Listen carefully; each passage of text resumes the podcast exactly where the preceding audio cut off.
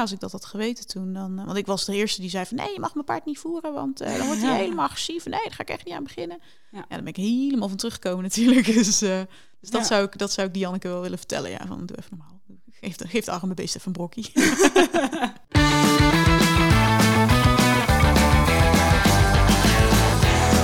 Leuk dat je luistert naar de paardenpodcast van Horse in Mind. Ik ben Rianne Dekker en in deze podcast hoor je toffe gesprekken met experts over het houden en trainen van paarden. Met al deze experts heb ik één ding gemeen en dat is dat we een wereld vol gezonde en gelukkige paarden willen.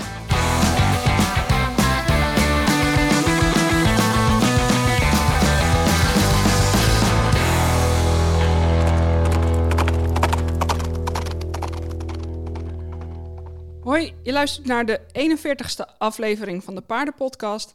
En in deze aflevering hoor je een gesprek met Janneke Koekhoven. En Janneke traint met positieve bekrachtiging. En nou kan het natuurlijk zijn dat je denkt, hé, hey, maar daar hebben we al eerder wat over gehoord.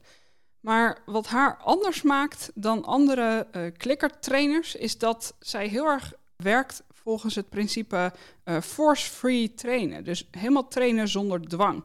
Dus ik ben wel benieuwd ja, waar dwang dan eigenlijk begint. Hoe, hoe moet ik dat voor me zien? Eh, en hoe geef je je paard dan toch eh, beweging? En wat komt er allemaal bij kijken? Janneke is ook de bedenker en maker van Fed Up Fred. Een cartoon die je misschien wel kent van Facebook of Instagram. En ook daar vraag ik natuurlijk eventjes naar. Deze aflevering is gesponsord door Equine Studies. En Equine Studies organiseert lezingen en webinars en cursussen eh, met Nederlandse en internationale experts op het gebied van anatomie en biomechanica. Voor meer informatie hierover kun je naar www.equinestudies.nl. Ik wens je heel erg veel luisterplezier met deze podcast en ik hoor graag wat je ervan vindt.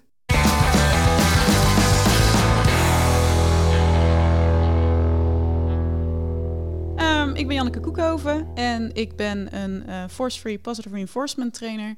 En, Hele mond vol. ja, eigen oefening baardkunst.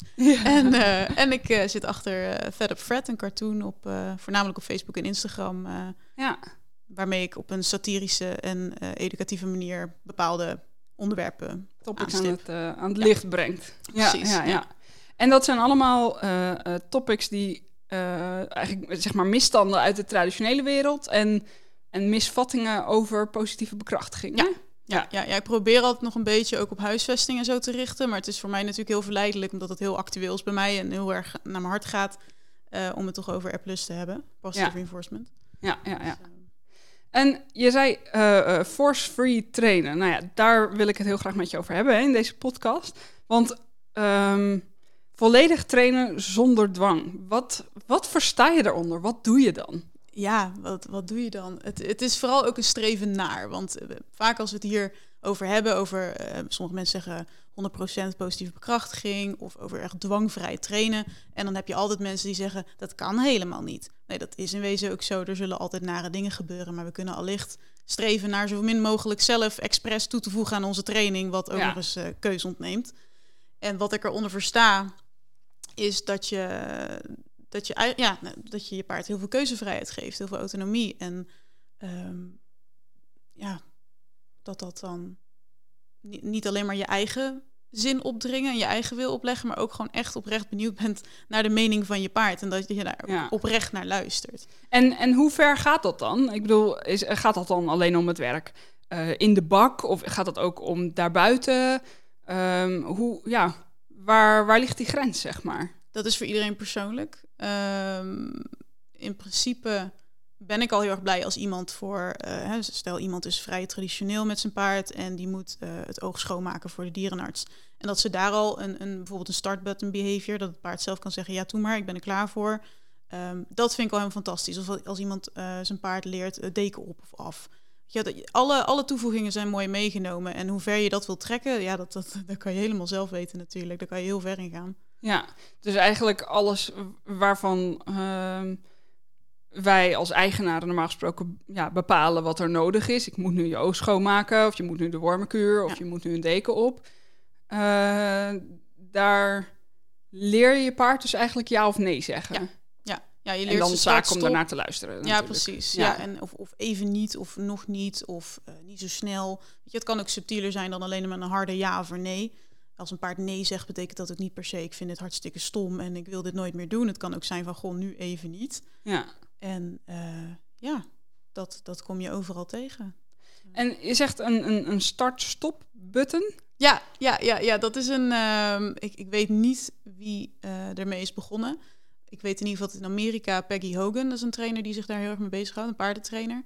Maar momenteel heb je, als ik het goed zeg, Eva Bertilsson uit Zweden. En die is dat heel erg populair aan het maken voor hondentraining. Dat is echt een manier om een dier te laten zeggen van... eh, ja, begin maar met dit te doen.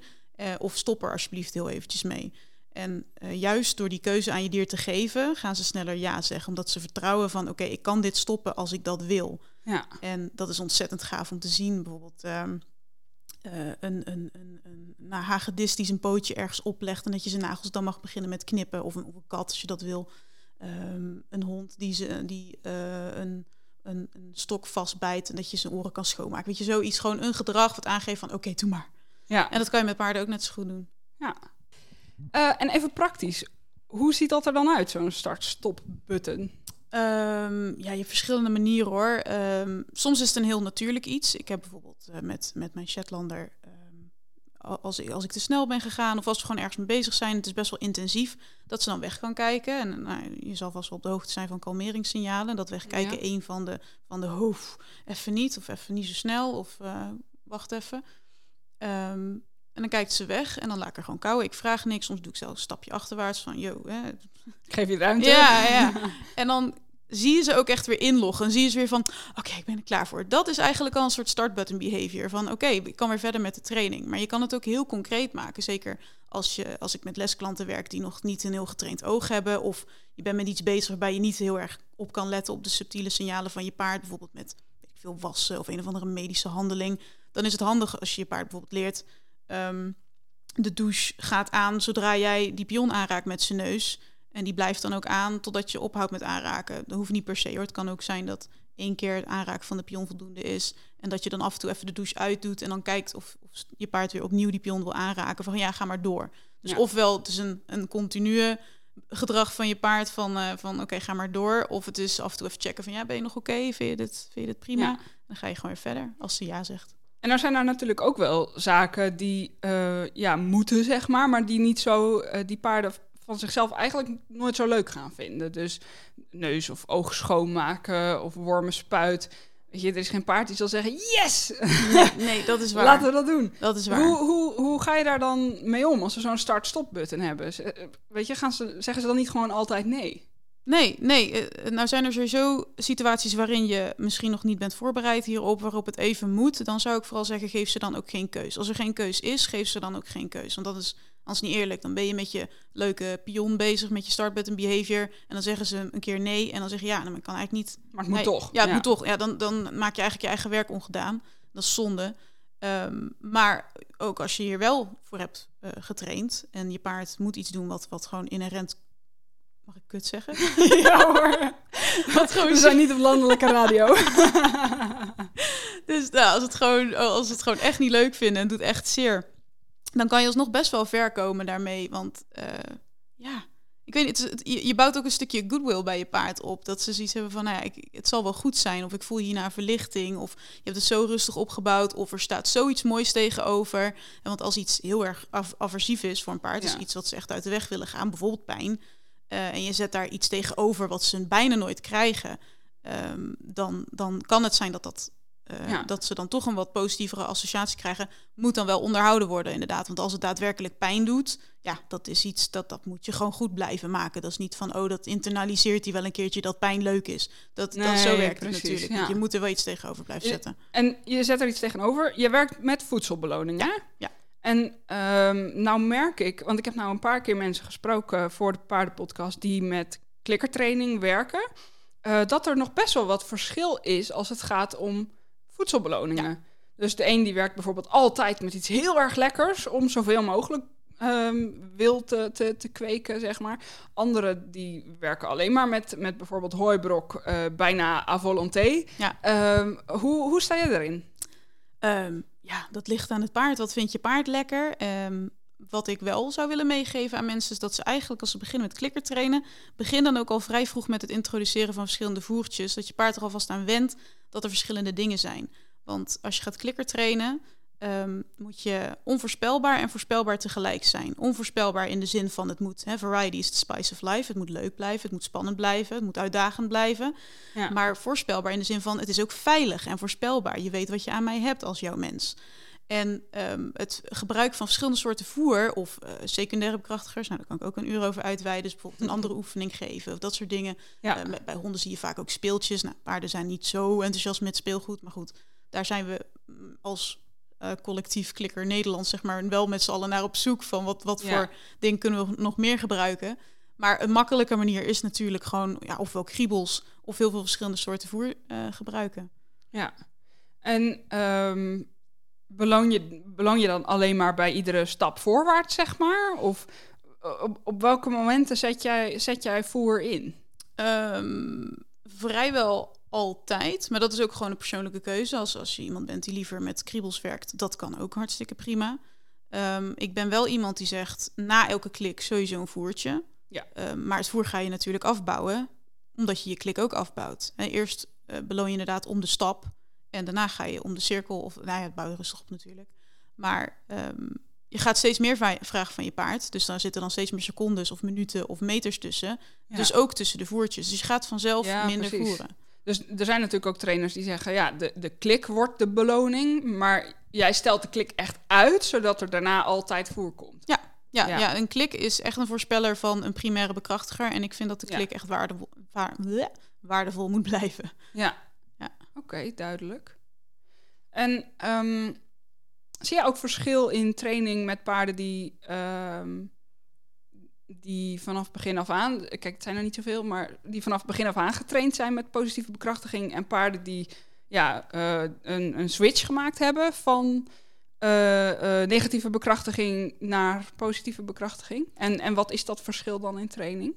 Ja, goh. Um, of gedrag? Ik merk toch wel dat, dat vooral jonge paarden, die, die inderdaad vanaf het begin af aan met voornamelijk R plus zijn getraind, dat die nog een eh, een stuk optimistischer in het leven staan, zeg maar. Dat ze dat als je met iets nieuws komt, dat ze dan denken: oh, yes, dit is een kans om iets te verdienen. En niet, oh nee, nu ga ik dood. En dat, dat kijk, natuurlijk hebben paarden dat van nature een beetje neofobie. Van oh, iets, iets nieuws is waarschijnlijk iets wat me gaat opeten. Ja. Um, maar als je met je klikkerpaard uh, constant alles, uh, allemaal leuke dingen doet, dan gaan ze dat generaliseren. En dan denken ze, nou, de hele wereld is fantastisch. Echt, ja. een, the world is my oyster, weet je wel. En dat, dat is gewoon hartstikke leuk om te zien. En Um, maar ik zie dat net zo goed bij andere jonge paarden die nog helemaal niet getraind zijn. Dat ze nog lekker zo ja. onbenullig in het leven staan. En dan ja, wordt dat toch na een tijdje zie je dat een, die, die spark een beetje uitdoven. En dat vind ik altijd ja. heel erg jammer. En met klikkeren krijg je, naar mijn mening, krijg je die spark weer een beetje terug.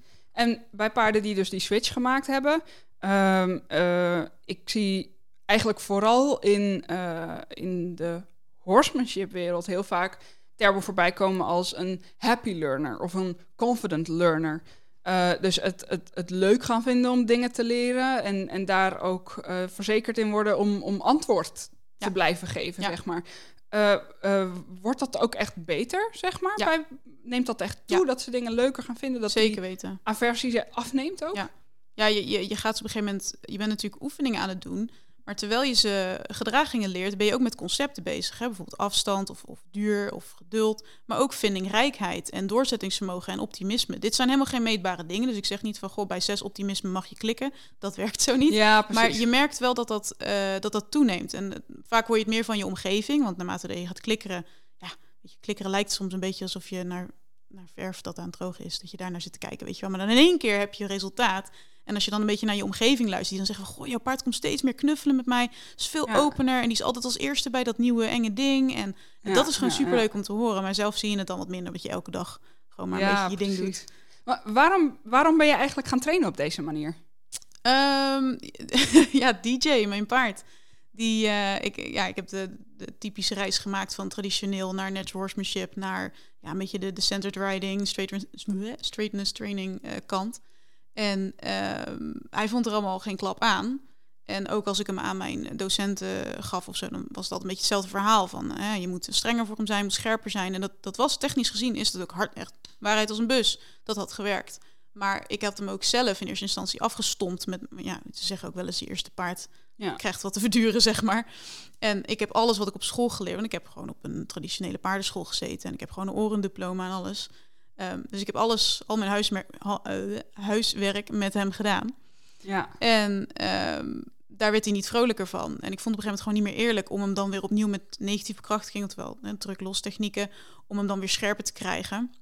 Heel omdat hij op eigen benen weer ging lopen. Daarvoor moest ik zo snel escaleren. Echt als je het over Parelli-fases hebben van 1 naar 4 en niet, niet 1, 2, 3, 4. Daar was hij al te flegmatiek voor door mij. Ja. Dus ik dacht, ja, van klikkertrainen wordt hij enthousiast. Maar hij had dikke voernijd. Dus dan, mm. wat, wat doe je dan? Weet je, ik hoorde van iedereen van dit is het laatste paard waar je mee moet gaan klikkertrainen. Ja. ik had op een gegeven moment het gevoel dat ik gewoon geen keus meer had, want dit was het enige waar hij voor wilde werken.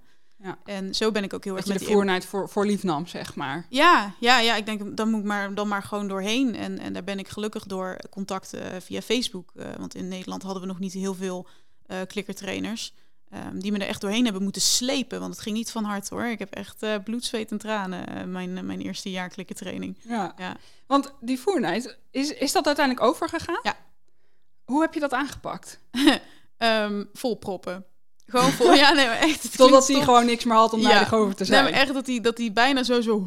Maar, maar dat kun je natuurlijk niet overgeven, maar zo leek het bijna. Alsjeblieft geen voer meer. Precies.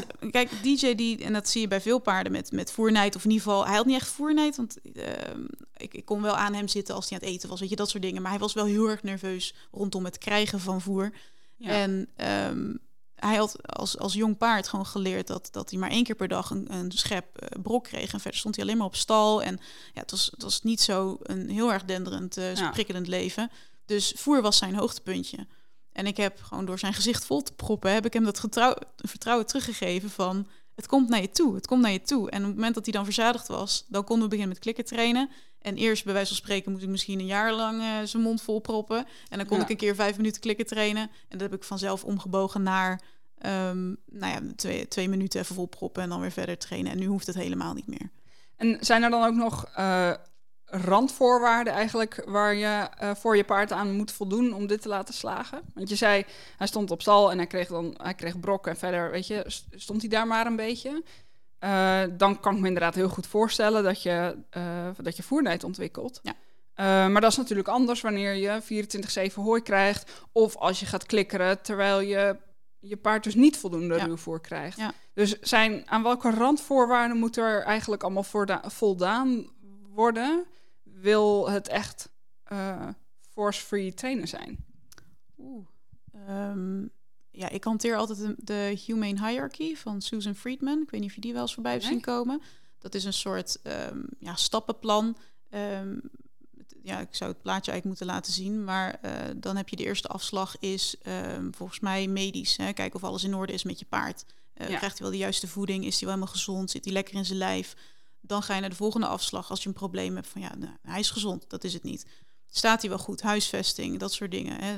Het podium, is het wel veilig voor hem om daar te trainen? Heeft hij misschien verlatingsangst? Moeten we daar eerst mee aan de slag? En dan pas, als dat allemaal in orde is en je paard is nog steeds niet al te makkelijk om mee te werken, ja, dan gaan we het natuurlijk als eerste aanpakken met positieve bekrachtiging. En dan helemaal aan het einde van die snelweg, dan heb je een keer een afslag dat zegt uh, nou, correcties en, en druk en dat soort dingen.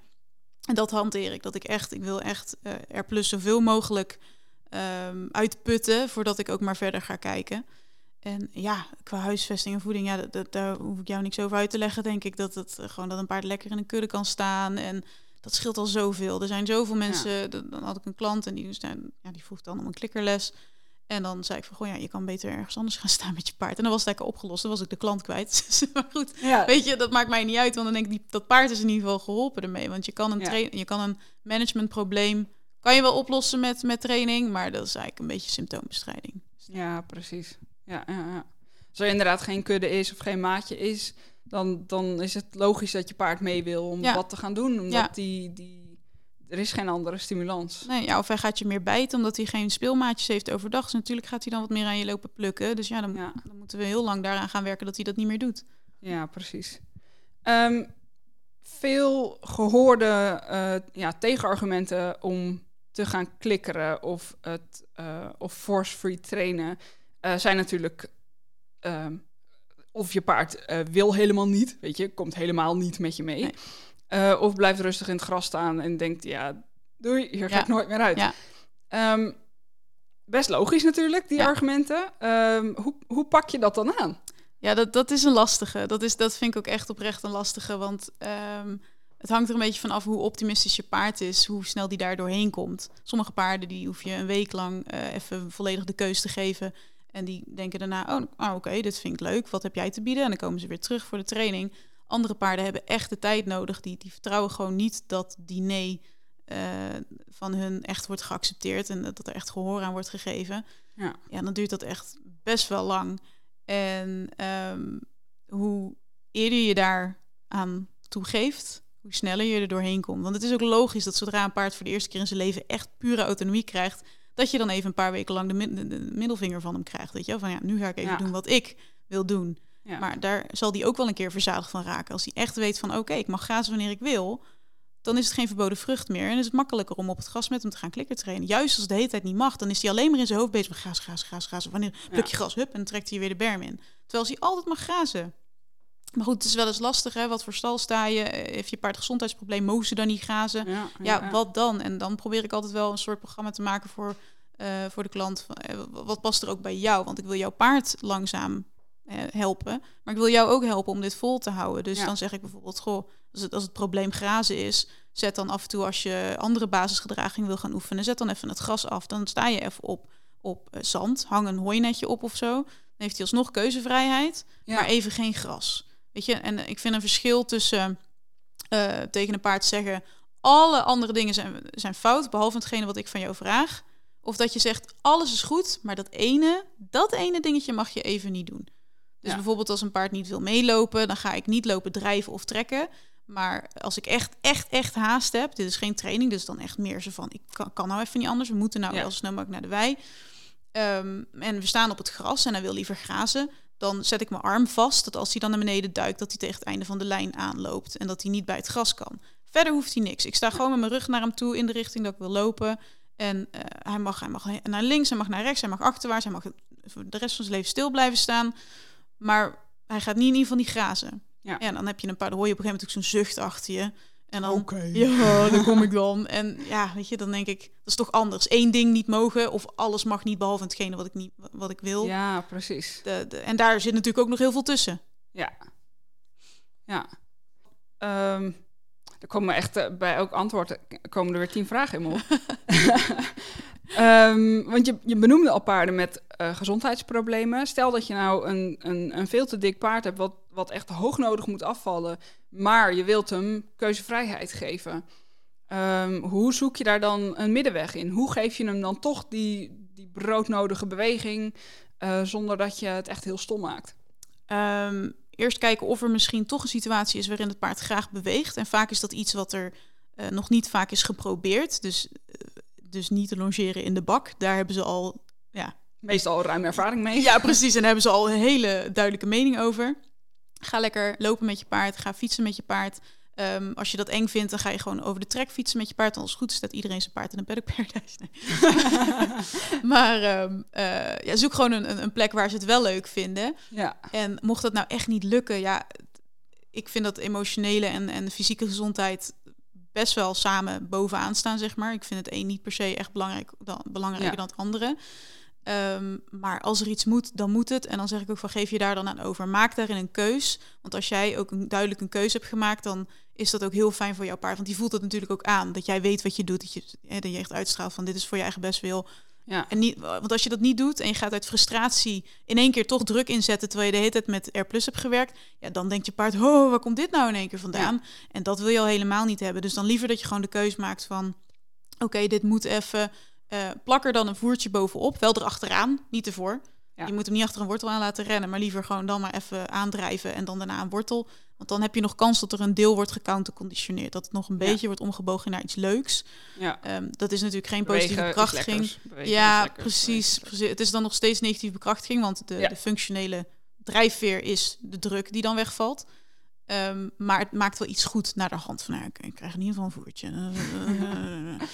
En ja, ja, te dikke paarden is ook wel echt een, is wel echt een probleem. Dat, uh, daar struggelen veel mensen Ja. mee.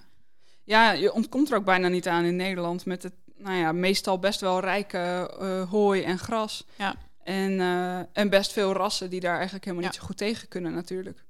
Ja. En, ehm, maar ik merk, het, eh, ik merk het met mijn eh Shetlandertje ook wel. Die, eh, die heeft twee verzorgsters, twee zusjes. En die zijn druk bezig met klikkertraining. En, ehm, eh, en die werken tegenwoordig met een target. Ja. En, eh, en eh, we merken dan dat ze daar wel heel enthousiast Ja. van wordt en, en flink achteraan rent. Ja. Terwijl als zij ehm, de nou ja, keuzevrijheid heeft, zeg maar, zonder target Mhm. en zonder dat ze iets moet, gewoon losloopt op de Mhm. track. Dan geef je er echt nog geen vijf cent, zeg maar. Nee, Dan, dan, nee. Denk je, dan zie je er lopen en denk je, wat een dik stijf ukkie, zeg maar. Ja, ja, ja, ja. ja het, is, het is heel leuk, want als je speelgoed gaat gebruiken en echt tastbare, zichtbare dingen, dat kan veel meer een soort eh, sense of purpose geven aan je paard. Dat ze echt een doel hebben, om, het is letterlijk een target doel. Dat ze, dat ze erachteraan gaan, dat ze echt weten van nou, dat is goed, weet je wel. Dat is heel erg concreet voor een paard. Terwijl als je zegt van kom, we gaan samen van dit stuk zand naar dat stuk zand. Ja, Ja. dat is niet echt heel erg spannend. Nee. Daar zou ik ook niet voor werken. Ja, nee, inderdaad. Ehm, uit je hele, eh, uit, uit je verhaal maak ik wel op dat je, dat je emoties ook heel belangrijk Ja. vindt hè, in de training. Ehm, hoe, waar uitzicht dat allemaal in? alles. Dat is eh, emoties. eh, Je hebt natuurlijk klassiek conditioneren, hè, Pavlov met zijn kwijlende honden. En je hebt operant conditioneren, dat is van Skinner met het ratje dat dan bij wijze van spreken op een rode knop moet drukken. Eh, dat gaat meer over echt acties, bewuste acties die het dier uitvoert. Ehm, maar eigenlijk kan het een niet gebeuren zonder het andere. Ik zeg niet dat je direct kan klikken voor emoties. Niet van, oh, je paard is blij, klik en nou heb je blij op cue staan. Dat, dat, zo werkt het niet. Nee. Maar als je het regelmatig meeneemt, dat wordt er dan wel mee geassocieerd. En ehm, dan kom ik dus heel vaak situaties tegen waarin een paard toch heel veel frustratie bijvoorbeeld, eh, wat erin mee is geklikkerd. Hè. Als iemand begint met klikkeren, is die er Ja, niet per se precies. goed in. Dus er zal er wat onduidelijkheid zijn geweest in het begin. En dan heb je op een gegeven moment een vet klikker-savvy paard, maar hij is nog steeds ge- gefrustreerd, want hij heeft een soort van die frustratie gegeneraliseerd van nieuwe dingen zijn vast en zeker een beetje onduidelijk. En ik ga maar van, ja, Precies. En ehm, ja, da- daar, daar wil ik dan liever heel veel aandacht aan gaan besteden dan dat we een heel repertoire vrijheidsdressuur uit ons mouw gaan schudden. Ik heb dan liever dat, ja, dat, je, dat je echt eh, eerst naar die ontspanning toe kan met z'n tweeën.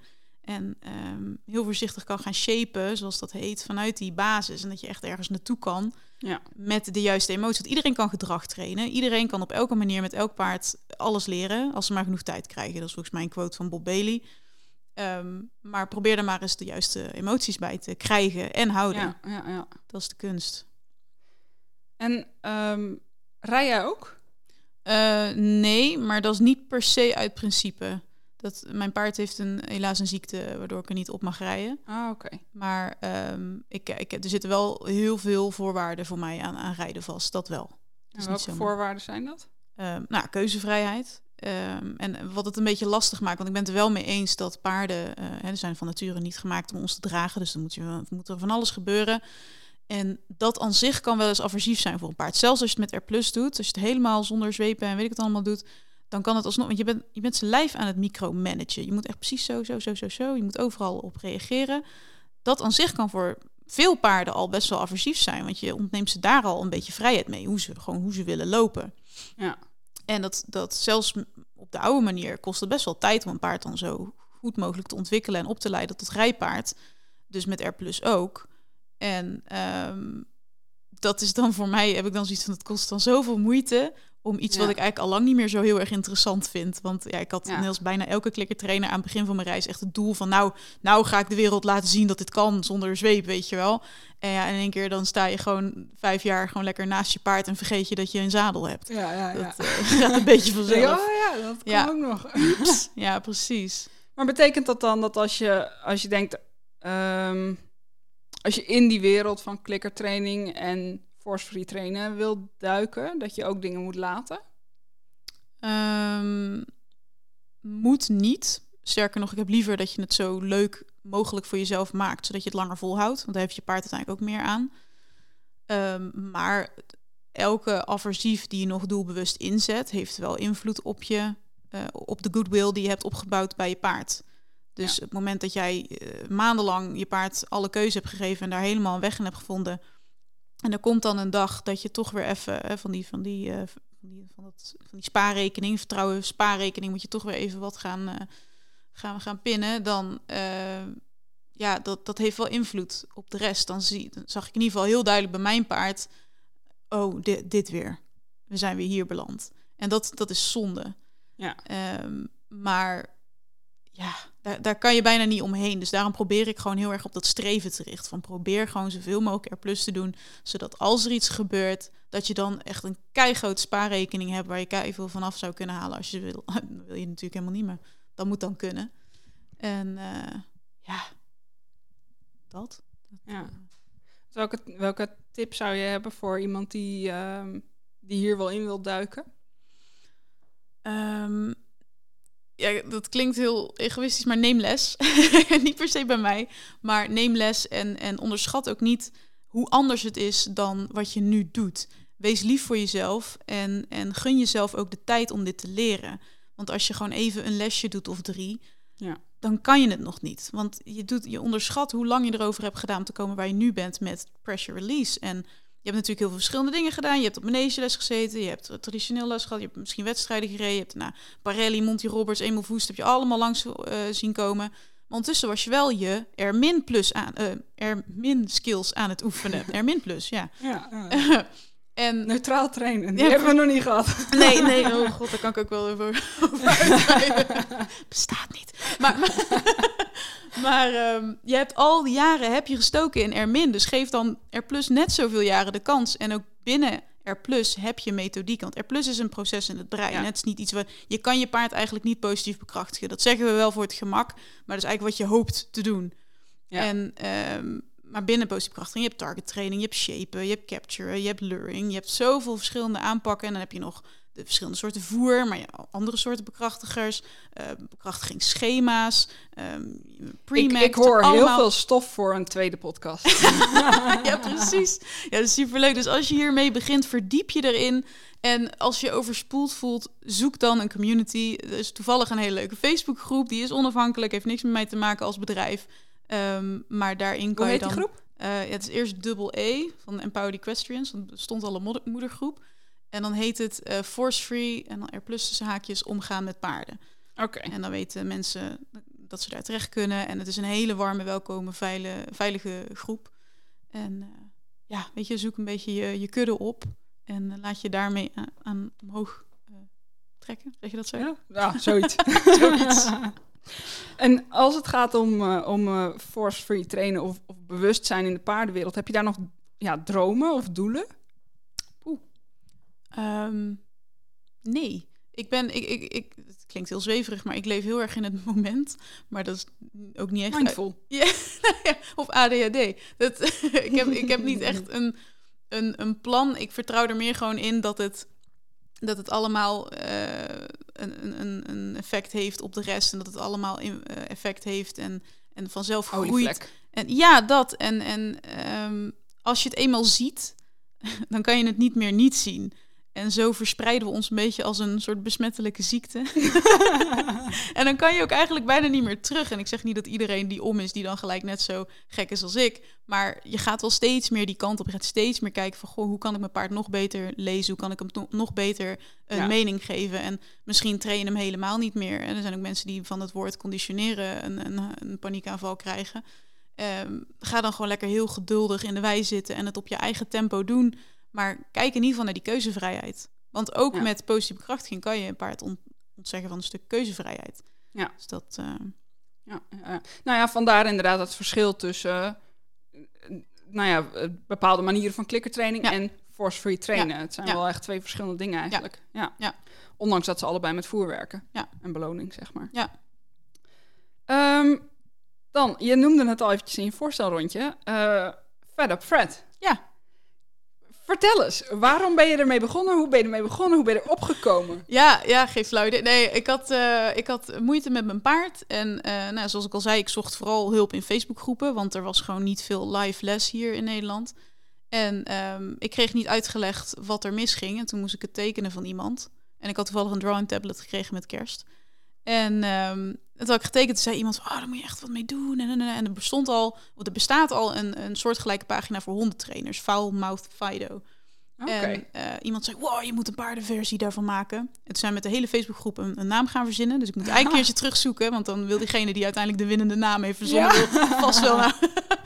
Royalties. En, uh, en, daar is Fred uitgerold. En ik dacht, nou, leuk voor de lol, weet je wel. En toen had ik de eerste week duizend volgers. Ik denk, wel, wat is dit nou weer? Ja. En, en, nou, dat groeide. En nu zitten we tegen de 20.000 volgers aan op Facebook. En uh, dat is echt insane. En ik ben er eigenlijk niet eens zo heel erg actief mee. Wil ik wel gaan doen, maar uh, ja. Ja, en welke onderwerpen stip je allemaal aan? Of heb je allemaal aangestipt in het verleden? Um, het zijn vaak hele specifieke dingen. Bijvoorbeeld, iemand kwam een keer met de Pony Club Kick. Dat is dan blijkt, zo wordt het blijkbaar in Engeland genoemd. We zien het hier in Nederland ook wel dat je een kind op een pony ziet zitten en hij boos worden, boos worden, anders voelt hij het niet. En dat je dat kind ziet zitten en dat die beentjes gewoon echt uh, bijna alle spagaat ja, bijna spagaat en dat maken en dan neerklappen van uh, nou lopen. Dat is blijkbaar de Pony Club Kick. En dat ik daar dan bijvoorbeeld de Freddy over maak. Gewoon heel specifiek, want hoe, hoe breder ik de Freddy laat zijn, hoe meer discussie er is. Dus soms dan maak ik er eentje over, weet ik veel, uh, over, over huisvesting. En dan zegt iemand, oh, dan moet je ook gelijk even iets met voeding of bekappen. Ik zeg, nou, alsjeblieft niet. Ik wil de, ik wil de discussie nog een beetje uh, binnen de perken kunnen houden. Dus ik hou het juist heel specifiek. Ja, dan kan het te maken met training, met gadgets, met, uh, met voer, met hoeven, met huisvesting, met celebrities, wie ik even te kakken wil zetten. en ja, het kan alle kanten op. Het kan echt alle kanten op. Want um, kun, je, kun je zo bedenken, een, een cartoon bedenken waar je uh, echt veel reactie en discussie uit ontstaan is? Um, toch wel bijna allemaal. Maar eentje die zo te binnen schiet is degene over. Uh, dan zie je Fred uh, neus aan neus staan met een hond. Dat is een bruine labrador en die heeft duct tape om zijn mond zitten. Want dat is een keer in het nieuws geweest. En een hond die was door zijn baasje gestraft door middel van duct tape. En dat baasje had een straf gekregen, was toch als dierenmishandeling uh, bestem, bestempeld. Ja. En um, de, Fred staat daar tegenover, neus aan neus, en heeft een hele strakke sperriem om. En die, heeft, die is mooi ingevlochten, die heeft een paar rozetten gewonnen en zo. En dan zeggen ze tegen elkaar van, hè, mijn baasje die heeft straf gekregen, oh, mijn heeft een prijs gewonnen. En dan wil ik daarmee aangeven van, dit is eigenlijk hetzelfde. En uh, daar, daar kreeg ik wel veel backlash op, want mensen vinden dat toch niet helemaal hetzelfde. Dus dan uh, krijg je hele interessante, verhitte discussies erover, dat zeker. Ja. Ga je daarop in of hoe ga je daarmee om? Ik ga er vaak wel op in.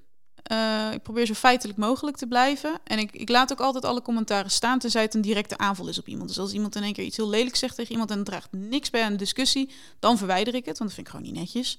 Ja. Maar als het een volledige comment is waar ik het gewoon helemaal niet mee eens ben, dan laat ik hem wel staan. Want daar zet ik daaronder dan mijn eigen mening en dan kunnen mensen dat naast elkaar zetten voor zichzelf. Ik vind juist er zit vaak een soort van evolutie door zo'n thread heen, weet je wel. En dat ik denk, oh, als mensen dat dan allemaal gaan lezen, wat ze vast niet doen, maar het is wel heel leuk dat het kan, dan, uh, dan kunnen ze zelf hun uh, conclusies trekken daaruit. Ah, inderdaad. Heb je, want je wil het weer gaan oppakken, zeg je? Mm Het heeft een tijdje stilgelegen. Nou ja, ik, ja het, is, het is sowieso ik denk dat ik het een beetje spannend vond. Omdat iedereen zo en, echt heel enthousiast is over Fred. En dan voel ik een soort druk. En ja, je weet, ik hou oh, niet van druk. Ja, ja, precies. Het, ja, dan moet ik het waarmaken. Precies. ja, ja, ja. En um, dus ik, ik wil Vind je het ook niet een heel mooie manier om te, om te inspireren? Of ja. tot denken aanzetten? Ja, ja, het is, het, ik, ik word er ook wel eens een beetje stil van dat ik dan van die privéberichtjes krijg van, oh, door jou ben ik hiermee begonnen. En dan krijg ik een voor- en na-filmpje en dan denk ik, nee joh, heb ik, heb ik daaraan bijgedragen? En dat vind ik dan zo'n eer. Maar ook vorig jaar op een bepaalde clinic um, was ik even, even overzadigd met informatie. Ik ging in de kantine zitten. En toen kwamen er twee Duitse meisjes, uh, die waren ergens over aan het praten. En ik, ik ging gewoon een beetje bemoeien, een beetje meekletsen. En toen zei ze, ja, ja, ja, Fred heeft hier een uh, cartoon over. Ik zeg, oh ja, dat, dat ben ik. Nee. ja, ja, ja, dat ben ik. Nee, nee, dat ben je helemaal niet. En dan, nou, dat ja. vonden ze helemaal fantastisch. En dat moet dan gelijk op Instagram. En ja, dan, dat, en ook in Amerika mensen die me gewoon herkennen, zeg maar. Dat, dat, is, dat is ja, weet je, wat dat betreft heb je natuurlijk een, een hartstikke mooi medium om echt een hele grote doelgroep aan te spreken. Ja. Want zijn de, uh, ik, ik, weet niet meer of de cartoons nou in het Nederlands of Engels waren. Uh, Engels. Maar Allemaal ik heb wel Engels. een aantal fotoalbums uh, dat het naar het Russisch of Italiaans oh, of ja. en een paar Nederlandse ook uh, Equide wilde er ook een paar in het magazine hebben. En dan denk ik, oh ja, oh ja kan het goed zelf vertalen. Maar ja, dat is wel precies, best wel veel ja. werk, want ik stop best wel veel eh, ik, ik denk best wel na over wat Freddy moet zeggen. Dat het vaak zit er nog een woordgrapje bij. Ja, het heel precies. kort zijn, heel kort Ja. en krachtig. Ja, vertaal dat maar eens, dat je dat Ja, meekrijgt naar een andere, ja, precies, Ja, ja, ja. een andere taal. Het is niet voor niets dat mensen er echt een beroep van maken. Vertalen. Ja, serieus. Maar ja, tof. Grote doelgroep en, eh, eh, en mensen aan het denken zetten. Ja. Ik, eh, eh, ik, ik wacht met smart tot de volgende. leuk, leuk. Dan ehm, komen we een beetje richting het einde van, eh, van de podcast. Al een heleboel besproken, maar ik heb nog een paar wat luchtigere vragen om maar eventjes mee af te sluiten. Kom maar op.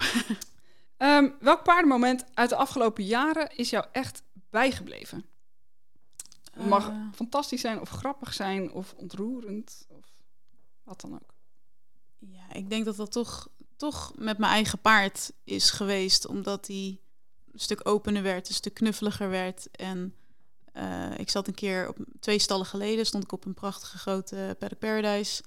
En zat ik op een heuveltje en ik was heel verdrietig omdat, ja, omdat hij gewoon niet vooruit te branden was. En achteraf gezien komt dat dus door die rotziekte. En ik zat op dat heuveltje en hij zocht nooit zo heel veel toenadering. Hij was een beetje, hij komt naar je toe en te bikken. En dan niks, oké, dan liep hij weer weg. En ik zat op het heuveltje en in één keer kwam hij achter me staan. Ik zag zijn schaduw eh, over me heen, zo. En hij stond in één keer met zijn voorbenen tegen mijn rug aan. En daar zaten we als een soort Ja. leeuwenkoningsscène zo samen. En, en zat hij een beetje in mijn haar zo met zijn bovenlip. En toen dacht ik echt, hier doe ik het voor. Weet je wel, gewoon een blij paard die, Ja. die mij genoeg vertrouwt hiervoor. En, en dat, die kleine momentjes juist. Ja, van die ontroerende momenten Ja. met z'n tweetjes, zeg maar. Ja, penny momentjes. Ja. daar doen we het toch voor. Ja. Ehm, heb jij een, een, nog een voorbeeld of rolmodel? Goh, ehm, ik heb er twee, denk ik, die met de binnen schieten. Sowieso Shanna Carish uit eh, Amerika. Zij is heel erg van, het, van de target training. Zij is ook al een paar keer naar Nederland gehaald voor een clinic. Ehm, zij begon in SeaWorld, dus zij was al heel erg bedreven met eh, positieve krachtiging en klikkertraining. En eh, haar bewonder ik vooral op de manier waarop ze met mensen omgaat. Heel erg positieve krachtiging naar mensen toe. En dat vind ik nog wel eens lastig, want mensen kunnen hun eigen trainer uitkiezen. Dus ik kan wel zeggen, oh, dat heb je goed gedaan. Wat goed dat je aan het klikken trainen bent. En dan gaan ze naar iemand anders. En die zeggen, goed dat je met natural horsemanship verder bent gegaan. Ja, dat, wat hebben ze Ja. dan aan mijn positieve krachtiging? Dus dat is wel eens zoeken van hoe ga je met mensen om. En zij is zo ontzettend constructief en zo positief. En ja, zo'n typisch schel Amerikaans stemmetje, weet je wel. Dat, dat, dat moet je me net tegen kunnen. Maar ik vind het heerlijk bij haar. Ja. Dus zij en eh, je hebt ook een, eh, een, volgens mij is zij ook Amerikaans, Hannah Brannigan, een hondentrainer. En die heeft een podcast en die is ook echt ontzettend leuk bezig. En die, die doet het op een hele interactieve, moderne manier met ook een beetje popculture referenties in de podcast en zo. Dat ik denk van, goh ja, dat is toch echt heel leuk om het Ja. op die manier te doen. eh, dat je zo toegankelijk maakt voor anderen. En als je een van de twee, laten we, laten we de eerste eventjes nemen. Als Mhm. je haar een, een, een vraag zou mogen stellen als je de kans kreeg, wat zou dat zijn? Wat zou je haar willen vragen? Oh, ik, ik ben al een paar keer bij haar eh, geweest. Oh, kijk. nou, daar gaat de vraag. is Ja. er, en, en de ander? Zou- is, er, Eh. is er iemand die je, die je graag nog wel een, een vraag zou willen stellen? Ja, we- Misschien is het helemaal geen rolmodel of is het heel iemand anders. Jeetje. Weet, ja. Die vind ik lastig. Ik denk niet dat ik echt een heel concreet, concrete vraag heb. Ik denk, ik vind het juist lekker om, om bijvoorbeeld naar podcasts te luisteren. Dat je zo'n heel gesprek hoort langskomen. En dan komen er wel een hoop technische vragen in me op of zo. Ja. Maar ja, het, het leuke aan, aan, voor mij, het leuke aan positieve bekrachtiging training en force training vind ik dat het juist zo wetenschappelijk gegrond is. En ehm, dat kan je dus allemaal gewoon opzoeken. Dus er zijn geen hele wilde filosofische vragen per se. Ehm, ja, hoe moet ik Ja. dat nou uitleggen? Het is, het is, Nou, het is niet. Ja. Er zijn het, geen. het gaat jou meer om het proces. Ja, en Ja. er zijn geen zweverige goeroes die het antwoord hebben voor ons, zeg maar. Die, die zijn net zo down to earth en die zijn net zo en net zulke wetenschappelijke nerds als, als de rest van de klikkertrainers. En, Ja. en dat zijn gewoon doodnormale mensen. En daar geniet ik juist wel van. Want ik, ik ben een beetje allergisch voor het hele goeroe-pyramide-stelsel wat je af en toe tegenkomt. Ja. Want iedereen eh, doet ook maar wat en iedereen houdt van dieren. En eh laat het vooral gezellig houden en gelijk. En wat had je graag tien jaar eerder geweten? Eh, Als je één dingetje mag kiezen. Ja, oef, tien jaar geleden, toen was het 2010. Jeetje, en toen begon ik net aan mijn paarden, eh, mijn paardenopleiding. Poeh. Ja, dat, dat, dat, dat je paard geen draak wordt van voer. Als ik dat iets eerder had geweten, dan had ik DJ misschien al wel wat eerder Ja. eh, kunnen helpen daarmee. Maar dat Of heb ik heel lang geval- volgehouden. En als het gebeurt, dan kom je er ook weer uit. Ja, nou, Dat. dat. vooral inderdaad. Want dat kan inderdaad wel. Je kan helemaal de mist ingaan. Maar ehm, dat, het is niet een gegeven van je paard wordt sowieso een monster van, van Ja, heb brokjes. je hem verpest voor altijd. Ja, nee, dat is Ja. echt, dat is onzin. Maar eh, ja, als ik dat had geweten toen, dan... eh, want ik was de eerste die zei van, nee, je mag mijn paard niet voeren, want eh, dan wordt hij Ja. helemaal agressief. Nee, daar ga ik echt niet aan beginnen. Ja. Ja, daar ben ik helemaal van teruggekomen natuurlijk. Dus, dus dat, Ja. zou ik, dat zou ik Dianneke wel willen vertellen. Ja, van, doe even normaal. Geef, de- geef de arme beest even een brokkie. Als mensen meer informatie willen over jou en wat je doet, waar kunnen ze dat vinden? Ehm, sowieso mijn eigen website, www.jannekekoekhoven.nl. Ehm, voor Fred is het gewoon fredopfred.com. Ehm, maar ik heb ook van allebei de kanalen, zeg maar, heb ik ook social media accounts. Vooral Facebook en, eh, en Instagram. En eh, ze kunnen me, nou het liefst nog whatsappen. Daar ben ik, eh, daar ben Kijk, Iedereen mag me overal over whatsappen. oké. Dankjewel voor alle inspiratie en andere kijk op, eh, op paarden trainen. Ja, bedankt voor de uitnodiging. Ik vond het hartstikke gezellig.